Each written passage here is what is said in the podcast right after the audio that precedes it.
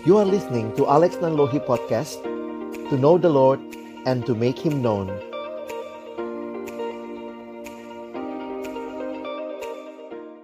Mari tunduk kepala kita berdoa. Kami bersyukur kepadamu ya Tuhan hari ini datang dalam ucapan syukur. Karena engkau memberi kesempatan bagi kami untuk beribadah memuji memuliakan namamu Tiba waktunya bagi kami untuk membuka firman-Mu. Ya Tuhan kami mohon Ketika kami membuka firman-Mu bukalah juga hati kami. Jadikanlah hati kami seperti tanah yang baik Supaya ketika benih firman Tuhan ditaburkan boleh sungguh-sungguh berakar, bertumbuh Dan juga berbuah nyata di dalam hidup kami. Berkati baik hambamu yang menyampaikan setiap kami yang mendengar. Tuhan tolonglah kami semua Agar kami bukan hanya menjadi pendengar-pendengar firman yang setia tapi mampukan kami dengan kuasa dari rohmu yang kudus. Kami dimampukan menjadi pelaku-pelaku firman-Mu. Di dalam kehidupan kami, di dalam masa muda kami. Bersabdalah ya Tuhan, kami anak-anakmu sedia mendengarnya dalam satu nama yang kudus. Nama yang berkuasa. Nama Tuhan kami Yesus Kristus. Kami menyerahkan pemberitaan firman-Mu. Amin. Shalom. Selamat pagi teman-teman. Kita bersyukur buat hari ini kita boleh beribadah bersama. Kayaknya semua mic-nya mati kali ya. Oke. Kita akan sama-sama melihat satu bagian firman Tuhan. Hari ini kita belajar dari 1 Timotius. Tes. Tes. No problem. Kita akan melihat satu Timotius, boleh tolong slide-nya?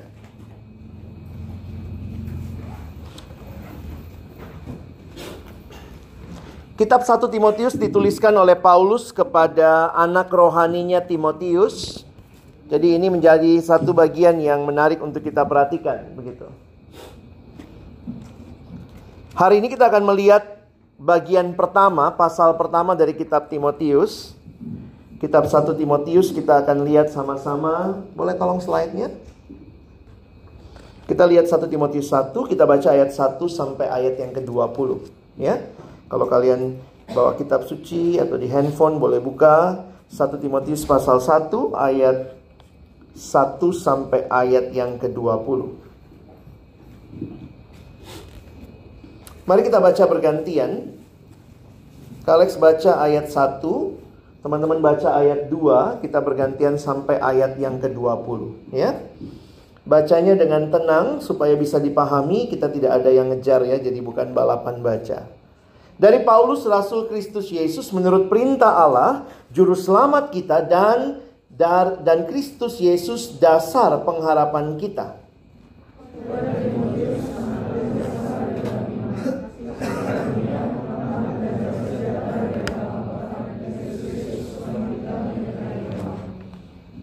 Ketika aku hendak meneruskan perjalananku ke wilayah Makedonia, aku telah mendesak engkau supaya engkau tinggal di Efesus dan menasehatkan orang-orang tertentu agar mereka jangan mengajarkan ajaran lain.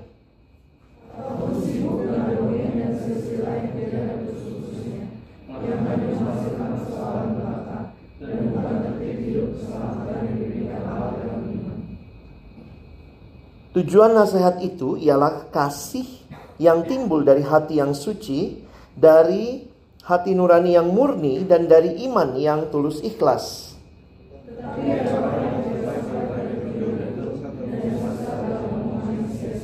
Mereka itu hendak menjadi pengajar hukum Taurat tanpa mengerti perkataan mereka sendiri dan pokok-pokok yang secara mutlak mereka kemukakan yakni dengan keinsafan bahwa hukum Taurat itu bukanlah bagi orang yang benar, melainkan bagi orang durhaka dan orang lalim, bagi orang fasik dan orang berdosa, bagi orang duniawi dan orang tak beragama, bagi pembunuh, pembunuh bapa dan pembunuh ibu, bagi pembunuh pada umumnya.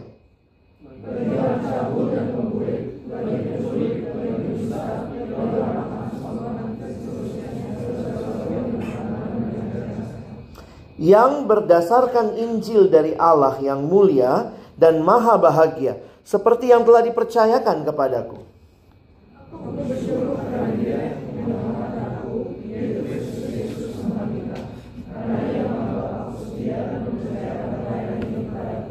Aku yang tadinya seorang penghujat dan seorang penganiaya dan seorang ganas, tetapi aku telah dikasihaninya karena semuanya itu telah kulakukan tanpa pengetahuan yaitu di luar iman.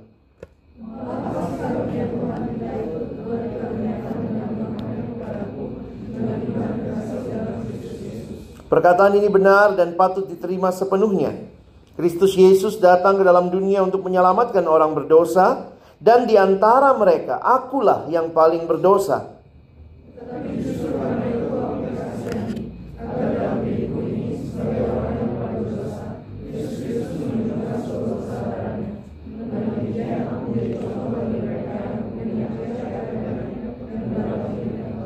Hormat dan kemuliaan sampai selama-lamanya bagi Raja segala zaman Allah yang kekal, yang tidak nampak, yang esa. Amin.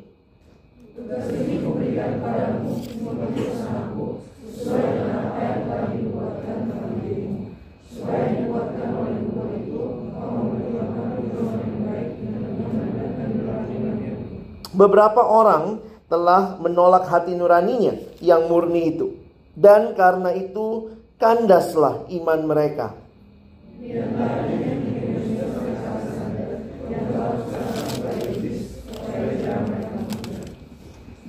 Apa yang kita ingin perhatikan dalam surat ini adalah Paulus waktu itu menuliskan surat 1 dan 2 Timotius untuk menguatkan anak rohaninya yaitu Timotius yang sedang melayani di Efesus. Kalau teman-teman pelajari bahwa dalam penulisan kitab di Alkitab, waktu itu ada tujuannya. Jadi pada waktu itu tujuan Paulus adalah menguatkan, meneguhkan anak rohaninya Timotius. Nah, perhatikan sebentar. Nah, di sini Alex coba buat uh, slide untuk kita. Perhatikan ada beberapa hal yang bagi saya yang menarik. Salamnya Paulus di dalam bagian ini berbeda dengan surat-suratnya yang lain. Kalau kalian lihat di dua atau di surat yang lain, biasanya cuma muncul kasih karunia dan damai sejahtera. Tapi di dalam konteks surat 1 Timotius muncul kasih karunia, rahmat, dan damai sejahtera. Nah, apa bedanya nanti saya akan coba ajak kita pelajari ya. Tetapi mari lihat sebentar, Paulus menuliskan surat ini dalam sebuah kondisi. Ini termasuk surat yang dituliskan Paulus dari dalam penjara. Paulus lagi di penjara di Roma. Jadi sedikit kalau kita lihat latar belakangnya, ini ada gambar kartun begitu ya. Konteksnya kira-kira tahun 64 Masehi. Apa yang terjadi pada waktu itu? Pada saat itu ancaman besar sedang melanda kekristenan di provinsi Asia.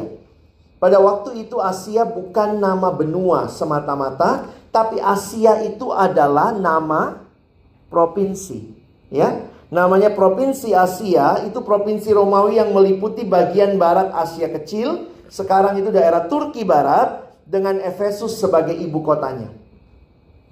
Jangan lupa Timotius lagi ada di Efesus. Paulus tulis surat ini kepada Timotius. Apa yang terjadi? Ada dua ancaman yang dialami gereja pada waktu itu. Lihat yang pertama, ancaman dari luar.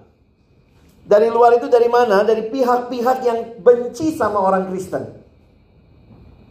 Dan uniknya mereka dibenci justru karena hidup mereka yang saleh. Dan yang kedua, ada ancaman dari dalam. Yaitu ajaran-ajaran yang tidak sehat. Nah, inilah yang menjadi tantangan yang dihadapi Timotius di dalam dia melayani di Efesus. Dari luar, orang-orang yang mengancam nyawa tidak suka dengan kekristenan, tapi dari dalam juga ada masalah ajaran sesat. Karena itu, apa yang nanti kalian pelajari di 1 Timotius. Coba lihat misalnya 1 Timotius pasal 4. Lihat judulnya saja. Itu bukan bagian Kalex untuk bahas hari ini ya. Apa judulnya? Tugas Timotius dalam menghadapi pengajar sesat. Apa judulnya pasal 1 ayat yang ketiga? Mengenai ajaran sesat. Karena itu tema kita hari ini memang mau fokus kepada jangan ikut-ikutan ajaran yang sesat. Ya. Jadi pada waktu itu kalau lihat konteks politiknya, kalau kalian senang belajar sejarah, sekitar tahun 64 Masehi itu menjelang akhir masa pemerintahan Nero. Kaisar Nero ini sangat sangat terkenal sadis ya. Dia membakar kota Roma lalu mengkambing hitamkan orang Kristen. Makanya namanya Nero sekarang cuma jadi Nero Burning itu CD ya untuk ngeburn CD namanya Nero, gambarnya kota kebakar.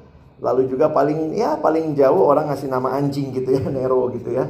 Karena memang ngeri gitu ya kalau ingat dalam sejarah apa yang Nero lakukan, dia ditangkap, Paulus ditangkap dan harus jadi penghuni penjara di Roma.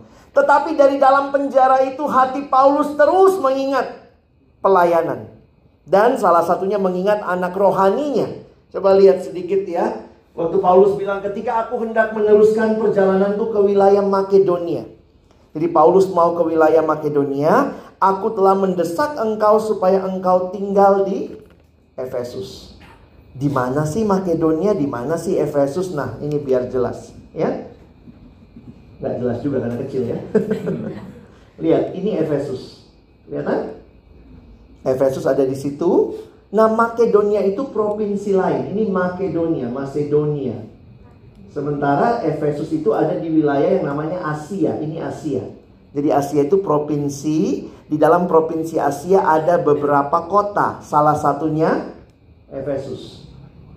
Sementara Paulus sudah waktu itu men men menyuruh Timotius tinggal di Efesus. Sementara Paulus menyeberang ke Makedonia. Makedonia itu kotanya Filipi, Tesalonika, itu Berea itu ada di Makedonia. Nanti sedikit ke bawah ini namanya daerah Akhaya. Itu kotanya Korintus begitu ya. Nah itu biar kalian punya wawasan juga. Kalau baca Alkitab nggak ada petanya bingung juga kita. Makedonia itu di mana? Makedonia itu provinsi. Efesus itu kota. Ya, jadi lihat ini ya. Paulus ini melayaninya dari sini ya. Jadi kita lihat ini daerah-daerah yang dilayani Rasul Paulus. Dia meninggalkan Timotius yang masih muda menurut ukuran zaman itu. Jangan pikir Timotius semuda kalian sih ya, enggak. Timotius itu kira-kira umurnya 30 tahun, tetapi pada masa itu jadi pemimpin gereja 30 tahun itu masih sangat muda. Biasanya orang jadi pemimpin pada waktu itu umur-umur 40-an. Makanya Timotius itu agak minder. Makanya kalau lihat Paulus mengingatkan Timotius, jangan merasa dirimu muda. Dan ini yang Paulus tuliskan kepada Timotius yang ditinggalkan pelayanan. Bayangkan Timotius masih muda, ditinggalkan Paulus melayani di kota Efesus yang pada waktu itu Efesus itu kota metropolitan. Jangan bayangkannya, oh Efesus paling kota kecil. Enggak ya. Ini kota besar pada waktu itu. Ini sedikit sejarah tentang Efesus. Bayangkan ya, Timotius itu pendeta kota besar. Kota perdagangan, kota ternama dengan kebudayaan Yunani, ada kuil Dewi Artemis di situ. Dewi Artemis adalah dewi kesuburan. Kuilnya tuh lihat lebarnya 46 meter, panjangnya 115 meter dan tingginya 18 meter. Itu rekonstruksi sejarah terhadap kuil Dewi Artemis yang sangat terkenal pada waktu itu. Dan peradabannya maju, jadi ini perpaduan antara kebanggaan dan keberuntungan. Waktu digali sekarang, masih ada sisa-sisanya luar biasa ya. Kalau kalian pernah jalan-jalan ke Turki, salah satu objek wisatanya pasti ke Efesus. Ini jalan di kota Efesus, seruntuhannya ini paving block gitu ya. Ini marmer. Ini lebih terang kali ya. Nah ini masih sekarang orang jalan ke sana luar biasa besarnya. Maksudnya eh, apa ya? Itu peradabannya pasti maju sekali. Lihat aja begitu bagus uh, indah banget kotanya. Tapi di tempat itu juga orang menyembah berhala. Kita punya studio, kalau nonton sekarang teater gitu ya. Teater satu satu satu mall berapa teater sih? Paling 10 kali ya maksimum ya. Kalau misalnya ada XX1-nya sampai 10 studio. Satu studio berapa orang? 100? Nyampe? Lebih? Jadi sebenarnya kalau 10 kali, anggap aja kali 100 itu baru 1000 ya. Kalian pernah bayangkan Efesus punya teater. Kapasitasnya 25 ribu penonton. Jadi besar banget. Ini teaternya. Masih ada di sana. Ini teaternya ya memang enggak jangan bayangkan 21 ya. ada kursinya duduk ini. Enggak, ini kayak begini nih. Jadi duduknya sebelah-sebelahan nih. Ini lihat orang di bawah nih. Ini mengelilingi itu bisa muat 25 ribu penonton. Tanpa mic. Koko pernah sekali jalan ke Efesus. Waktu itu ikut tour kami ngomong di sini, bayangkan kamu ngomong di sini, kedengeran di kursi paling atas. Saking bagusnya tata ruangnya. Jadi apa ya, akus akustiknya. Jadi nggak perlu butuh mic begitu. Jadi kita ngomong gitu ya, itu kedengeran di paling ujung sana. Dan bagi saya ini jadi menarik untuk memperhatikan Timotius melayani di kota besar dengan begitu besarnya peradaban pada waktu itu. Tapi pada saat yang sama banyak pengajaran-pengajaran yang tidak sehat, baik dari dalam gereja maupun dari luar gereja. Karena itu kita harus hati-hati.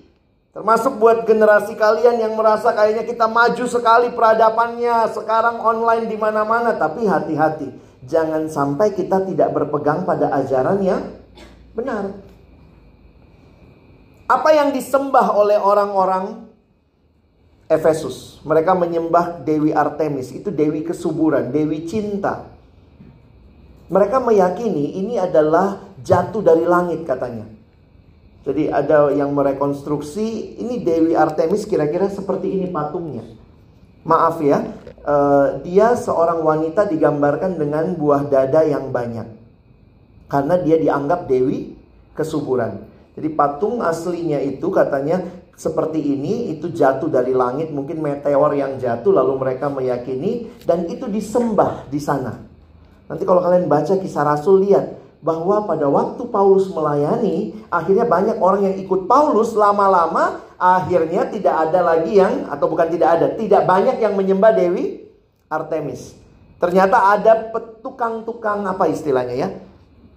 Ada tukang main apa bukan mainan uh, buat cenderamata itu dari perunggu ya tukang tembaga. Nah orang-orang ini kalau orang ke Efesus datang kan mau nyembah Dewi Artemis tapi pulang maunya bawa souvenir kan? Nah souvenirnya adalah gambar kuil atau Dewi Artemisnya. Nah ketika Injil maju ternyata usaha jualan souvenir ini mundur karena nggak banyak lagi yang beli. Makanya orang yang namanya Alexander itu namanya sama lagi sama saya ya. Coba lihat 2 Timotius pasal yang keempat. 2 Timotius 4 ayat 14. Yuk baca sama-sama. Satu dua ya. Alexander, tukang tembaga itu telah banyak berbuat kejahatan terhadap aku. Tuhan akan membalasnya menurut perbuatannya. Bayangkan dong, saya pernah ulang tahun dikasih ayat ini. Mau bercanda maksudnya ya. Kenapa? Karena ketika Injil maju, ada pekerjaan yang gulung tikar. Termasuk ini ya. Alexander jadinya akhirnya dia memancing keributan. Itu yang kalau kalian baca di kisah Rasul pasal pasal berapa? Coba lihat kisah Rasul 19. Jadi sebenarnya ceritanya itu ada di kisah Rasul ya. Kalian kalau baca surat-surat Paulus harus juga bisa kuasai kisah Rasul. Coba lihat kisah Rasul pasal yang ke-19 ayat 21. Apa judulnya? Demetri, Demetrius menimbulkan huru hara di Efesus. Kenapa dia bikin huru hara? Ayat 33 tuh. Lalu seorang bernama Alexander didorong ke depan orang-orang Yahudi. Ia mendapat keterangan dari orang banyak apa yang terjadi. Segera ia memberi isyarat dengan tangannya dan ia dan mau memberi penjelasan sebagai pembelaan di depan rakyat itu. Jadi bayangkan ya waktu itu Alexander sebenarnya masih berpihak sama Paulus. Tetapi ketika mereka tahu bahwa ia adalah orang Yahudi, berteriak-teriaklah mereka bersama-sama kira-kira berapa jam? Dua jam lamanya. Besarlah Artemis, dewi orang Efesus. Saya kebayang tuh ya, memang keributan luar biasa. Gara-gara apa? Lihat gara-garanya ayat 23. Kira-kira pada waktu itu timbullah huru hara besar mengenai jalan Tuhan. Sebab ada seorang bernama Demetrius, seorang tukang perak yang membuat kuil-kuilan Dewi Artemis dari perak. Jadi kan orang datang, pulang bawa dewi-dewian, apa kuil-kuilan gitu ya. Usahanya itu mendatangkan penghasilan yang tidak sedikit bagi tukang-tukangnya. Ia mengumpulkan mereka bersama-sama dengan pekerja-pekerja lain dalam perusahaan itu dan berkata, Saudara-saudara kamu tahu bahwa kemakmuran kita adalah hasil perusahaan ini. Sekarang kamu sendiri melihat dan mendengar bagaimana Paulus bukan saja di Efesus tapi juga hampir di seluruh Asia telah membujuk dan menyesatkan banyak orang dengan mengatakan bahwa apa yang dibuat oleh tangan manusia bukanlah dewa. Bukan dewa itu dibuat sama tangan manusia, langsung usahanya omset turun. Kalau kekristenan berkembang, beberapa profesi gulung tikar. Apa profesi yang gulung tikar kira-kira?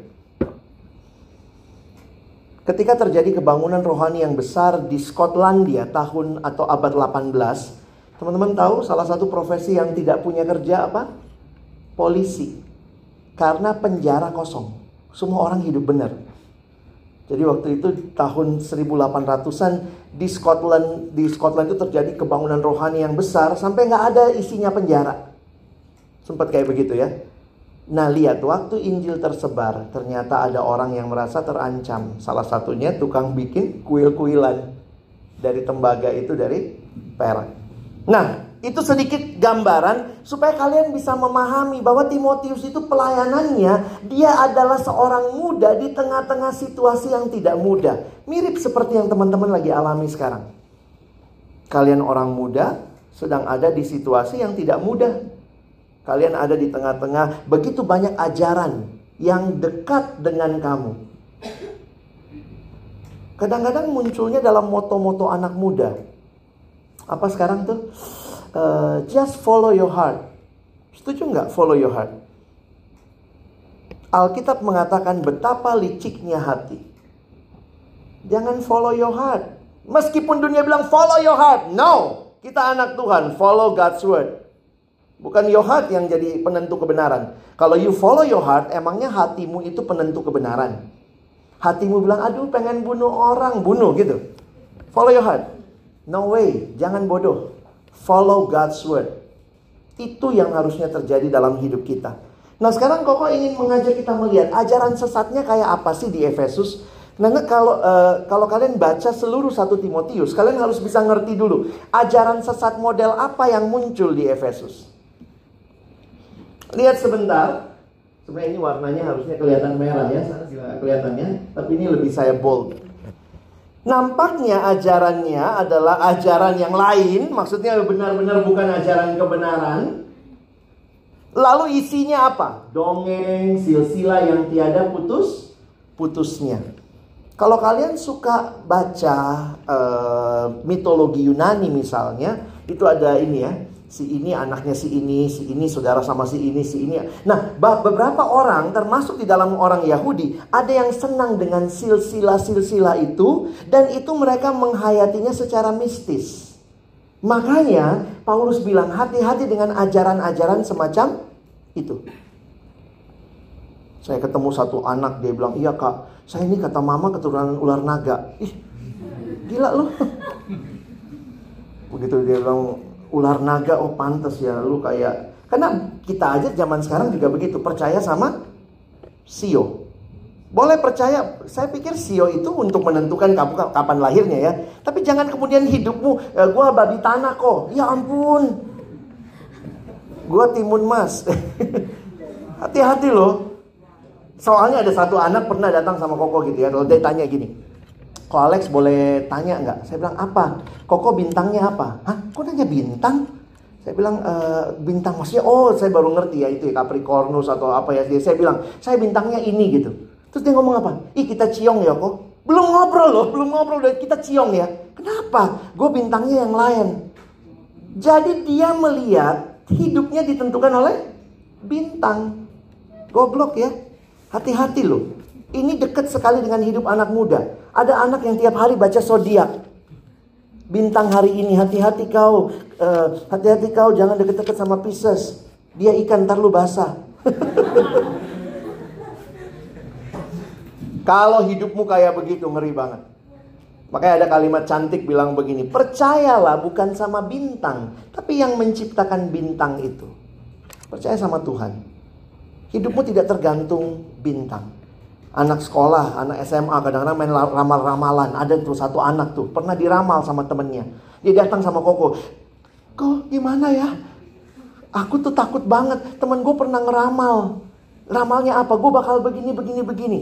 Jadi saya bilang kamu sekarang gimana hidupnya? Gue takut banget kok. Takut itu kejadian. Saya bilang loh, kamu percaya sama ramalan itu atau sama Tuhan? Tapi kalau benar kejadian, saya bilang tunggu dulu nih sebelum jawab pertanyaan saya, jawab dulu. Kau percaya sama Tuhan apa ramalan? Sama Tuhan. Kalau kau percaya sama Tuhan, meskipun ramalan itu benar, jangan bilang Tuhan, Tuhan. Tuhan yang harusnya kamu sembah. Jangan main ramal-ramalan. Saya pikir itu bukan Kristiani. Hati-hati di Alkitab kita dilarang untuk hal-hal seperti itu. Ini yang Paulus tulis dongeng nenek-nenek tua begitu nanti ada di bagian pasal 4 ya. Jadi lihat ya, ini ajarannya macam-macam dan yang menjadi masalah adalah lihat bawahnya. Menghasilkan persoalan belaka dan bukan tertib hidup keselamatan. Jadi nggak tertib hidupnya. Bikin kacau jemaat. Bayangkan kalau ada dukun gitu ya masuk gereja terus tetap pegang perdukunannya. Kalau dukun bertobat sih puji Tuhan ya. Tapi ini dia tetap pegang perdukunannya lalu bilang ih hati-hati loh. Ih. Terus dia bilang ih hati-hati loh. Semua akhirnya satu gereja ketakutan. Tidak tertib hidupnya. Nah, perhatikan lebih jauh ayat 5 dan 6 sampai ayat yang ketujuh. Nampaknya ada juga masalah dengan ajaran Taurat. Lihat ini ya. Mereka itu hendak menjadi pengajar hukum Taurat. Apa sih masalah utamanya hukum Taurat? Karena orang Yahudi merasa dia selamat kalau melakukan hukum Taurat. Jadi saya pikir sampai hari ini juga ada ya diskusinya adalah ini. Keselamatan itu anugerah atau perbuatan baik? Anugerah. Kalau begitu, kalau anugerah, nah sekarang koko tanya, Ngapain berbuat baik?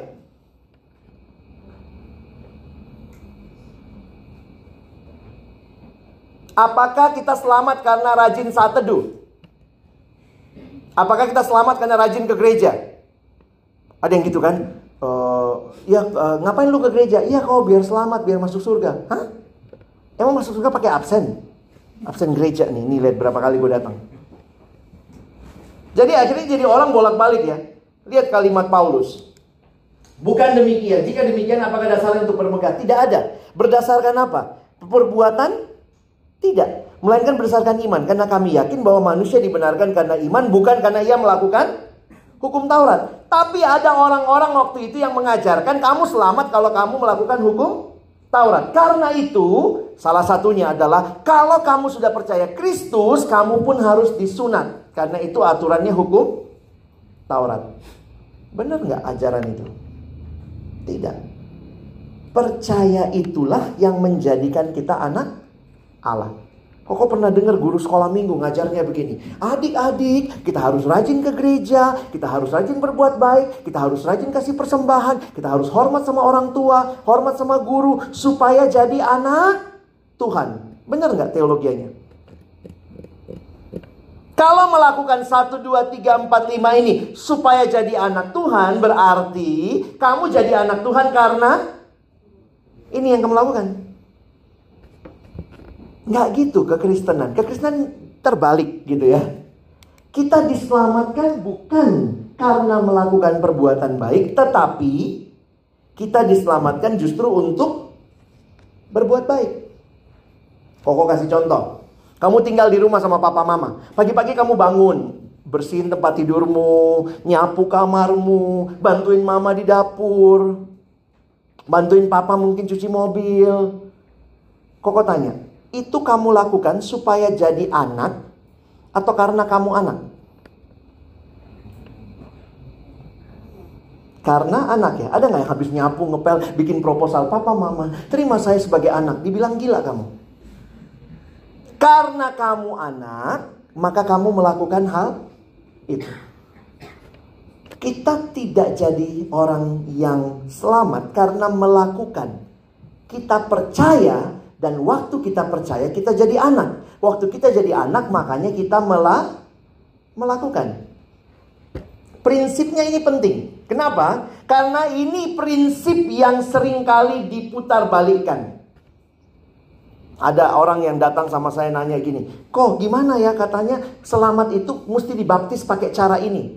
Lu udah percaya Yesus? Udah, tapi lu baptisnya mesti. Saya dulu waktu waktu SMA juga digituin sama temen. Lex, lu baptisnya gimana? Saya bilang saya dipercik dulu. Ih, kepala lu doang masuk surga. Ih, saya takut tuh. Ih, gimana ya caranya ya? Akhirnya jadi kayak ketakutan sampai beberapa teman saya jadi baptis ulang. Kenapa? Baptisan gua nggak sah. Kenapa? Kalau nggak dibaptis nanti nggak masuk surga. Loh, apakah masuk surga gara-gara baptisan? Masih ingat orang di samping Yesus?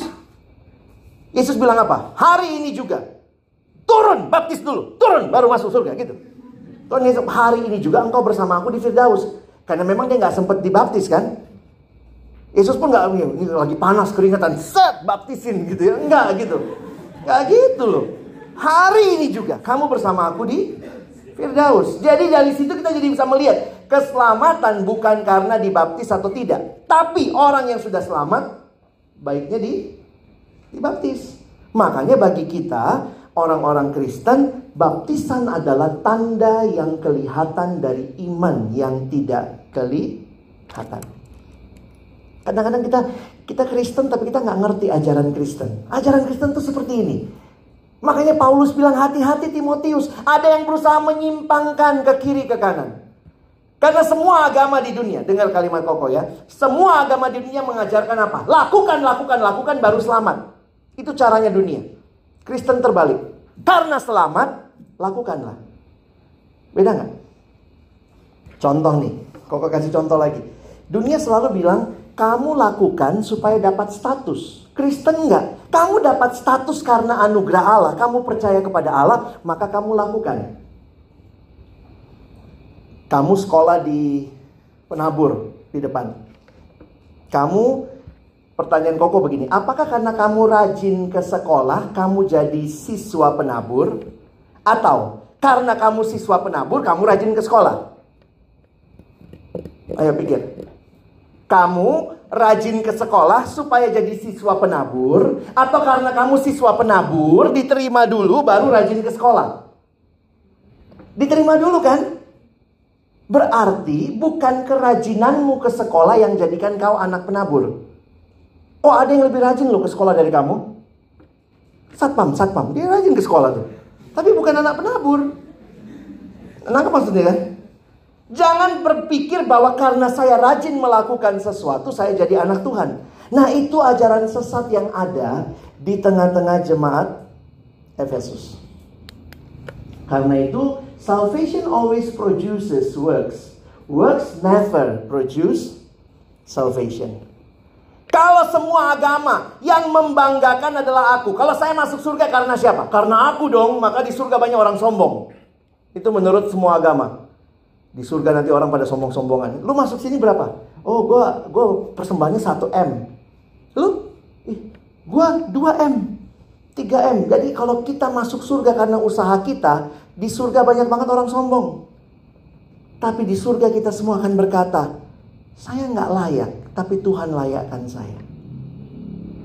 Itu yang kita mengerti dengan mercy and grace. Rahmat dan kasih karunia. Kita harusnya dihukum, nggak dihukum. Itu namanya mercy. Kamu mesti dihukum, nggak dihukum. Itu namanya mercy. Rahmat. Kamu harusnya nggak selamat, tapi dikasih keselamatan. Itu namanya grace. Anugerah. Dan inilah yang Tuhan berikan sama kita. Karena itu religion always make us proud. Because religion make us proud of what we have done. Gua dong saat teduh empat kali, makanya masuk surga. Tapi gospel make us proud of what Jesus has done. Tapi hidup yang mengalami anugerah akan nyata perbuatannya. Karena apa? Karena sudah mengalami anugerah itu. Nah ini kalau kalian tertarik ini ada spektrumnya ya. Kalau sangat mengandalkan hukum, jadi legalis. Tapi orang-orang yang nggak mau pakai hukum jadi antinomos, nggak begitu. Kekristenan bukan anti hukum. Saya nggak butuh hukum Taurat, saya selamat karena anugerah, berarti buang hukum Taurat. Tidak. Tapi yang satu bilang karena kita ada hukum Taurat, mesti dipakai supaya selamat. Salah juga. Kita ada di tengah. Kita tidak jadi orang yang legalis, tapi kita juga tidak jadi orang yang antinomos. Yang sudah selamat, kita melakukan hukum Taurat. Fungsinya apa? Ini Paulus bilang ya sebenarnya. Hukum Taurat itu baik kalau tepat digunakan. Nanti buat kalian baca sendiri ya. Ini memang penjelasannya agak panjang, tapi Koko sederhanakan begini ya. Ini biar bingung nih. Pagi orang cabul pemburit itu ternyata adalah homoseks. Jadi kalau ada yang bilang di Alkitab Kristen nggak ada homoseks nih, kata pemburit ini, pemburit itu sebenarnya homoseks. Jadi kalau kalian lihat pemburit itu bahasa tahun 74 karena Alkitab kita dicetak tahun 74. Kalau kau bilang tapi Alkitabku cetak tahun 2000 itu cetakan 2000. Tapi sebenarnya terjemahan yang dipakai di semua Alkitab yang standar masih terjemahan tahun 74. Tahun 74 gay itu disebut homoseks disebut pemburit. Saya pikir dulu pemburit itu apa? Oh mungkin yang pakai celurit. Enggak ya. Nah, Koko ambil aja penjelasannya Martin Luther, eh sorry, Calvin. Calvin kasih tiga penjelasan fungsi hukum Taurat. Dia bilang begini, hukum Taurat kita tidak buang, tapi juga tidak jadi syarat keselamatan. Tapi di mana letaknya hukum Taurat? Hukum Taurat menjadi cermin yang menunjukkan karakter Allah sekaligus keberdosaan kita. Begitu baca, jangan mencuri. Berarti wow, dia Allah yang sangat kudus yang tidak menghendaki orang mencuri. Tapi siapa yang mencuri akan sadar betapa berdosanya saya. Apa fungsi kedua? Hukum Taurat berperan mencegah kejahatan di tengah masyarakat. Bayangkan kalau nggak ada hukum Taurat. Nggak ada hukum. Anak hukum, kalau kalian belajar hukum, itu jadi salah biasanya kalau sudah ada aturannya kan. Makanya penting, tetap perlu hukum Taurat. Dan yang ketiga, hukum Taurat menunjukkan apa yang berkenan kepada Allah untuk menuntun segala perilaku kita. Jadi kita mesti hidup bagaimana? Ayo kita hidup jangan mencuri, jangan membunuh, tapi kita selamat bukan karena melakukan hukum Taurat. Sebagai penutup, bagaimana Timotius menghadapi pengajar sesat? Ini juga bagi kita semua. Gimana Timotius menghadapi pengajaran sesat? Teman-teman lihat ada empat hal yang Koko mau tinggalkan bagi kita. Pertama, Ingat kembali anugerah Allah. Itulah yang kalian bisa baca di ayat 12 sampai 17. Itu Paulus kayak nostalgia. Aku itu selamat. Jadi Paulus mau bilang gini, kalau bicara selamat karena hukum Taurat, nih gue nih contohnya nih. Aku yang paling berdosa dari semua orang berdosa, tapi Tuhan selamatkan. Bagaimana supaya kamu bertahan, tidak ikut-ikutan ajaran yang sesat. Ingat anugerah Tuhan. Terima kasih Tuhan kau selamatkan aku bukan karena aku cukup baik. Tapi sesudah itu kamu harus berpegang pada kebenaran. Ayo berpegang pada kebenaran. Dari mana tahu ini salah? Kalau kamu tahu yang benarnya seperti apa? Teman-teman tahu nggak di di Amerika katanya agen FBI itu tiga bulan pertama dalam training untuk mengecek duit itu palsu atau benar, tiap hari mereka tuh disuruh pegang uang asli. Pegang uang asli. Setiap hari dipegang mungkin sekitar satu jam, diterawang, dielus-elus di pipi gitu ya, dilihat gitu ya, segala macam. Itu sepanjang tiga bulan trainingnya tiap hari dikasih uang asli. Kira-kira di bulan ketiga diselipin uang palsu di tengah-tengah uang asli. Tapi karena saking biasanya sama yang asli, begitu pegang yang palsu, eh ini palsu. Gimana kamu bisa tahu ini ajaran benar apa tidak? Kalau kamu pegang kebenaran. Kebenaran itu apa? Ya firman Tuhan. Dari mana kita mengertinya? Makanya gereja akhirnya punya tradisi yang namanya PIR, pengakuan iman rasuli. Bagaimana kamu tahu ini benar? Sebenarnya kalau Alkitab ini diperes, itulah pengakuan iman rasuli. Ajaran yang sesat itu tidak sesuai pengakuan iman rasuli. Iman rasuli, nanti kalau kita mengaku iman rasuli, lihat fokusnya kepada tiga hal. Percaya kepada Allah Bapa, yang kedua percaya kepada Yesus Kristus, yang ketiga percaya kepada Roh Kudus. Jadi pengakuan iman rasuli berpusat pada ajaran Tritunggal. Begitu ada yang bilang, iya Allah bukan bertiga, bukan Tritunggal. Dia berempat. Ah itu pasti sesat. Nggak usah tanya lagi. Eh, tapi ada ayatnya kak. Ada saya yang pernah bilang gitu. Terus ada lagi yang bilang, iya uh, Yesus itu uh, apa Alkitab itu terlalu laki-laki. Jadi akhirnya dia panggil Allah Mama. Allah Mama kami yang di surga. Mama kami yang di surga. Saya bilang, oh itu udah aneh-aneh aja ajaran ini. Ada lagi yang bilang, oh Allah yang sejati cuma satu.